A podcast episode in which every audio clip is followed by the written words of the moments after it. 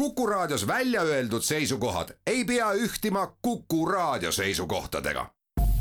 Te kuulate Kuku Raadiot.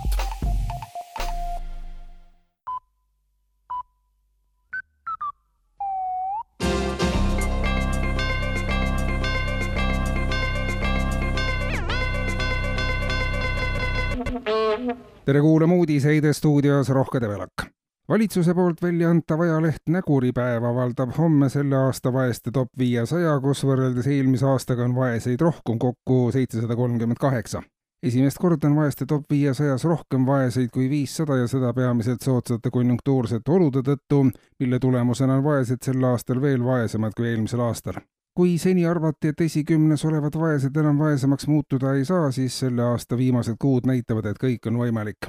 Ka on sellel aastal esmakordselt noori vaeseid rohkem kui staažikaid. vaeste top viissada ilmub kõvaköitelisena ja mitmed kuulsad vaesed räägivad seal oma lugu sellest, kuidas nad kaotasid oma viimase miljoni vaeste top viiesaja koostamine on valitsusepoolne abistav samm, et inimesed, kellel muidu hästi läinud ei ole, saaksid tunda, et nad on siiski omal alal kuulumas absoluutsesse tippu ajaleht Näguripäev ise läheb pärast vaeste topi avaldamist pankrotti ja seetõttu on järgmises vaeste top viiesajas taas uusi liikmeid. Venemaa kaitseministeerium annab teada, et pakub Eesti kaitseväele abi harjutusväljaku leidmisel juhuks, kui Eesti elanike vastuseis saab takistuseks vajaliku väljaõppe läbiviimisel vaba maad on selleks Pihkva oblastis, kus on võimalik lisateenusena tellida ka vastutegevust harjutusväljaku rent oleks sümboolse tasu eest, vastu soovib Venemaa võimalust tulevikus segamatult harjutada ka Eesti aladel. Erakondade rahastamise järelevalve komisjon aga annab teada, et ajakirjanduse ja riigikodanike sagedasel kartusel, nagu telliks erakondade salajased ja avalikud rahastajad ka kogu erakondade poliitika ja otsused ei ole tõepõhja all raha maksmine ja vastuteenete osutamine ei ole üksteisega kuidagi seotud, märgitakse komisjoni värskes uurimuses.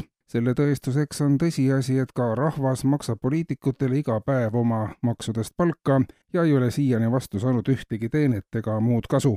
Seega võivad inimesed olla rahulikud, raha poliitikuid ei mõjuta ja neid tegutsema ei pane ja liiklusest seoses tavapärasest raskemate lumeoludega teatab pealinna kommunaalamet, et ka autojuhtidel on võimalus lume koristamises kaasa lüüa.